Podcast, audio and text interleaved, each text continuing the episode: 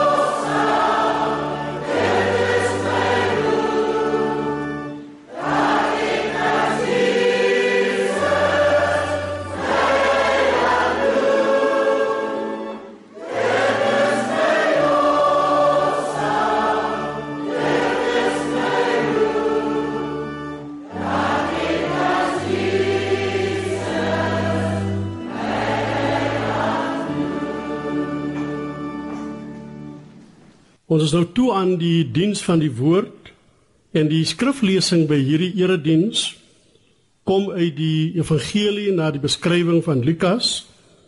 Lukas 13 verse 10 tot en met 17. Voordat ons lees, laat ons saam bid en vra dat die Here self ook nou met met ons sal praat. Here, dis U alleen wat kan help praat met ons. U alleen kan diepgaande bevryding bring. Praat met ons. U alleen kan volkome genees. Praat met ons. Breek nou die stilte, Here, en praat met ons. Praat met ons deur u woord en u gees. Amen. Een Sabbatdag Terwyl Jesus in die sinagoge onderrig gegee het, het hy 'n vrou gesien wat deur 'n bose gees in mekaar getrek is. Sy was vir 18 jaar lank krom getrek en kon nie regop staan nie. Toe Jesus haar sien, roep hy haar nader en sê: "Vrou, jy is van jou kwaal genees." Toe hy haar aangeraak en sy kon dadelik regop staan. Hoe het sy nie God geloof en gedank nie? Maar die hoof van die sinagoge was verontwaardig dat Jesus haar op die Sabbatdag genees het. Daar is 6 dae van die week om te werk, het hy vir die skare gesê. Kom op daardie dae om genees te word, nie op die Sabbat nie. Maar die Here antwoord: "Jou huigelaar, Jy werk op die Sabbatdag. Maak jy nie op die Sabbat jou os of donkie los in die stal en lê hom uit om te drink nie? Was dit nie vir my nodig selfs op die Sabbatdag om hierdie arme vrou te bevry van die gevangenskap waarin Satan haar vir 18 jaar gehou het nie? Dit het sy vyande laat skaam kry en al die mense was verheug oor die wonderlike dinge wat hy dit is Jesus gedoen het. Op verskillende plekke in die Bybel word die gevaar blootgelê dat dinge wat op die letter af reg lyk, dinge wat volgens die eise van die wet reg voorkom, 'n verknegtende uitwerking op mense kan hê. Of al word dit nie verslawend nie, word dit op 'n leë vorm godsdienstige manier onderhou. Die gevaar dat ons eie konvensies, gebruike, ons eie kultuur, hoe mooi ook al, 'n verknegtende uitwerking op mense kan hê, is lewensgroot. In die kerk kan dit gebeur dat ons allerbeste simbole en rituele so hanteer word dat dit mense of uitsluit of laat voel dat hulle slegs op 'n bindende wettiese manier daaraan kan deelneem. En waar die simbole of rituele of belydenisse veronderstel was om van God se genade en van sy vergifnis en sy vrymaking te spreek, word hulle kettingkies, mylbande en voetboeie waarmee mense aan bande gelê word. In die kerk en in die samelewing behoort die vraag nie bloot net te wees wat die waarde of betekenis van 'n wet of reël is vir diegene wat dit toepas nie, maar veral ook wat die uitwerking daarvan is op ander. In die verhaal uit Lukas 13:10 tot 17 gaan dit juis ook oor 'n situasie waar 'n godsdienstige konvensie 'n baie ernstige uitwerking op 'n vrou se lewe gehad het. Of eintlik sou dit meer korrek wees om te sê dat dit oor die stryd gaan tussen 'n verknegtende godsdiens en 'n bevrydende godsdiens. Die storie uit Lukas 13 is 'n kompakte storie, maar daar word genoeg vertel om iets van die velheid van die stryd tussen 'n verslawende godsdiens en 'n bevrydende godsdiens raak te sien. En daarom is dit miskien nie oordrewe om die vier hoofmomente van van hierdie boodskap vanoggend elke keer met die woord volsla te beskryf nie. In die storie is daar sprake van 'n volsla gebondenheid, 'n volsla bevryding, verder ook 'n volsla verontwaardiging en ten slotte ook nog 'n volsla vreugde. Eerstens dan 'n kykie in die volsla gebondenheid van die vrou in die verhaal. Sy bly naamloos, maar haar toestand word op 'n grafiese manier beskryf. In een Bybelvertaling word daaroor gespekuleer dat sy aan artritis gely het. Nou, ons kan nie ons kan nie met sekerheid sê nie. Alhoewel die simptome baie na die siekte lyk, want sy is krom getrek en kan nie eens opkyk nie. Ons sou kon aanvaar dat haar siekte haar totaal uitgeput het en haar daarom moeg en rusteloos gelaat het, heeltemal verswak. Vir 18 jaar lank het sy onder die ernstige las van die siekte gebuk gegaan. En miskien het sy ook soos 'n ander vrou uit die Nuwe Testament al haar geldjies aan dokters bestee sonder om genesing te vind. Uit die verhaal word dit ook nog duidelik dat biomediese dokters dalk ook nie raad sou geweet het nie, want haar toestand is dieper en erger as bloot een of ander liggaamlike ongesteldheid. As Jesus tot die verhaal toetree, maak hy die verbuisterende diagnose dat sy volsla deur Satan gebonde was.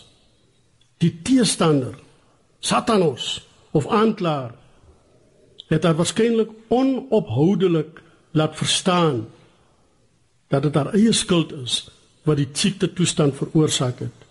En dalk het sy en en hoe herkenbaar is dit tog nie. Dalk het sy negatief oor haarself begin praat. Haarself met die koperlaatjie geslaan en is haar gevoel van minderwaardigheid verder versterk as sy na die sinagoge gegaan het. Miskien is al wat sy steeds gehoor het onderhou die Sabbatdag, onderhou die Sabbatdag. Hier geen genesing maar wet, hier geen verligting maar eis, hier geen bevryding maar juk. Maar jy's hier in die sinagoge, die vergaderplek, die plek van samekoms, soos hy ervaar dat die ryk van God en die heerskappy van Jesus Christus inderdaad naby gekom het. Daarom let ons tweedens op die volslae bevryding. Dis die teoloog Moltmann wat die gebeure in die sinagoge op daai spesifieke Sabbat in eenvoudige terme sou wou interpreteer met met iets soos God kom en die mens word vry. Die plek waar hierdie volslae bevryding plaasvind, die sinagoge het 'n baie interessante oorsprong in die Babiloniese ballingskap waar die profeet Jesegiel met sy aankoms daar die bannelinge sou laat hergroepeer in samekomste wat as 'n sinagoge bekend sou staan. Hier in die sinagoge sou die verlange na God en na die tempel en na Jerusalem ietwat getemper word met gesprekke oor hoop en bevryding. Die sinagoge is dus 'n profetiese plek, 'n plek van bevryding wat helaas verander is in 'n plek van dwingelandry en verkrechting. Maar juis in die sinagoge sou Jesus weer duidelik maak dat God se ryk radikaal deurgebreek het en dat hy die heerskappy van God beliggaam dat hy gekom het om vir mense 'n ongelooflike ruimte te skep waar binne hulle in vryheid kan staan. Dis ruimte waar hulle alles dit dan op 'n naïewe manier soms uit volle bors kan sing. Jesus breek al my bande en hy maak my vry. Dit sou immers die heerlike ervaring wees van die naamlose vrou wat na liggaam en gees volslaa bevry sou word Uit die verhaal hoor ons hoe sy na die liggaam skielik regop kan staan, opgerig.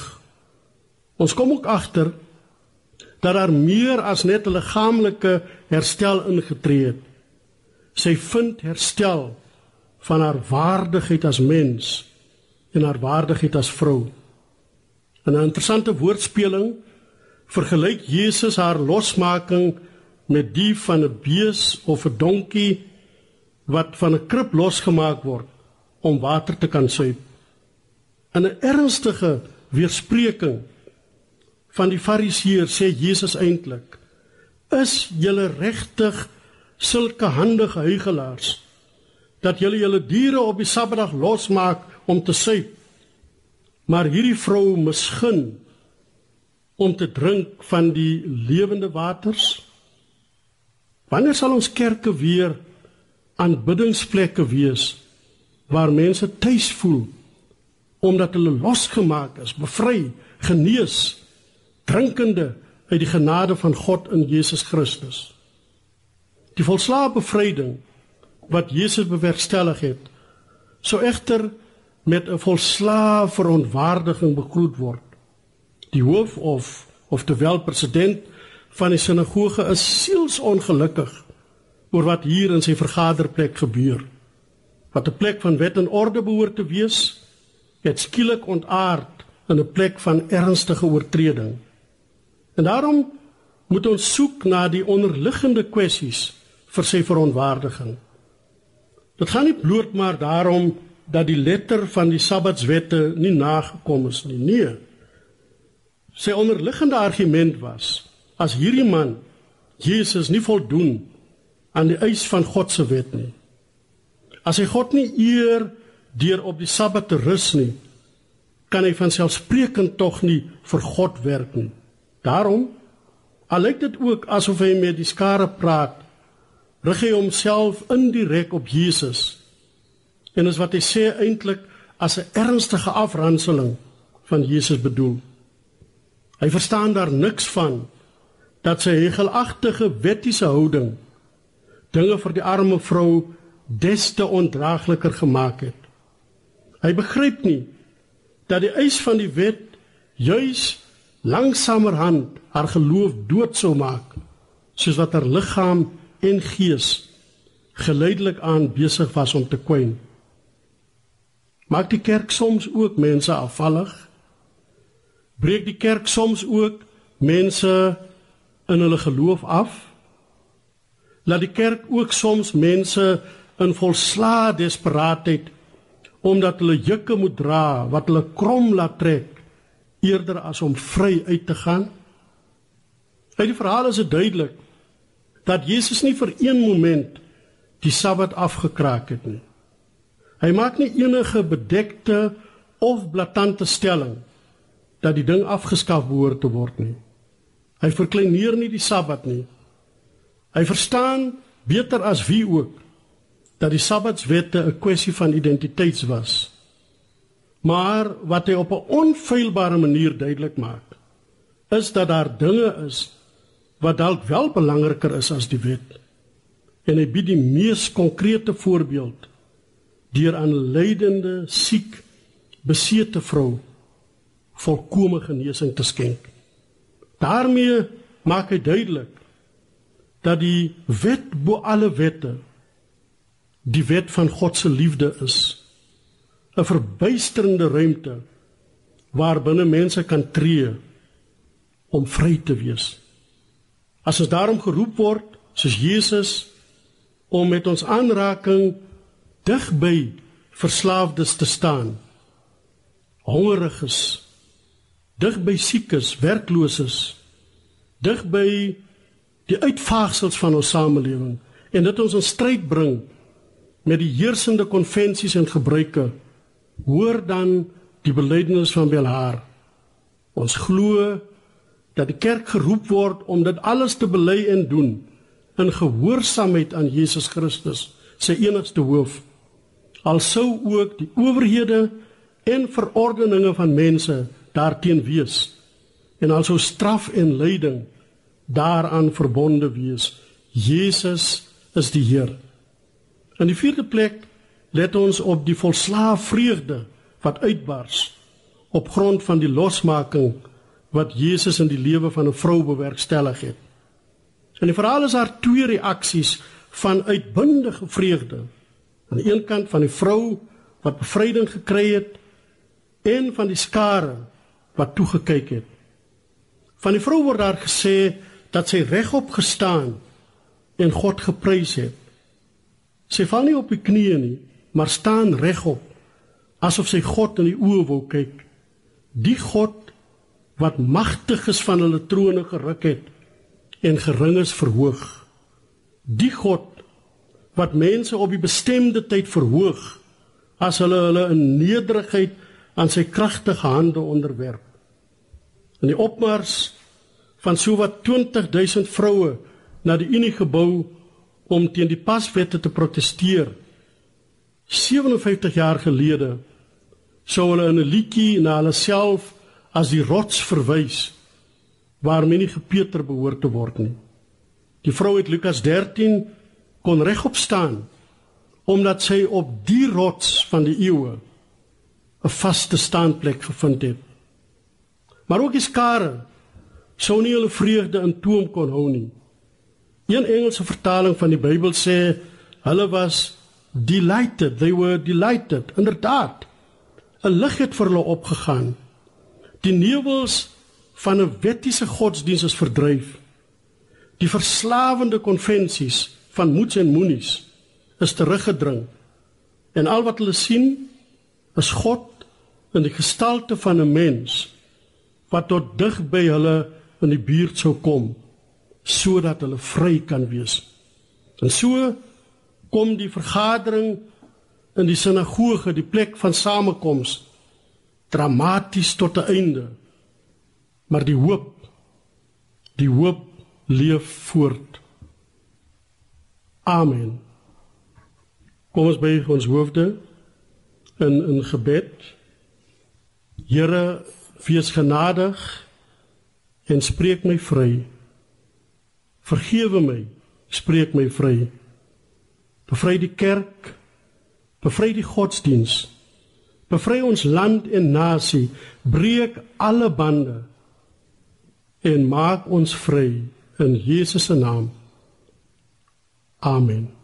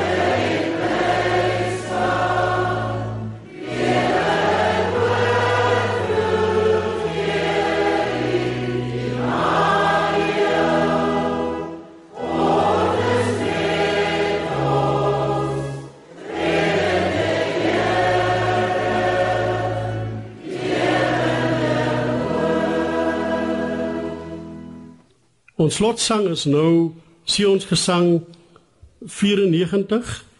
Sion's gesang 94 gesing deur die die gemeente van my liefde Middelburg Nazareth.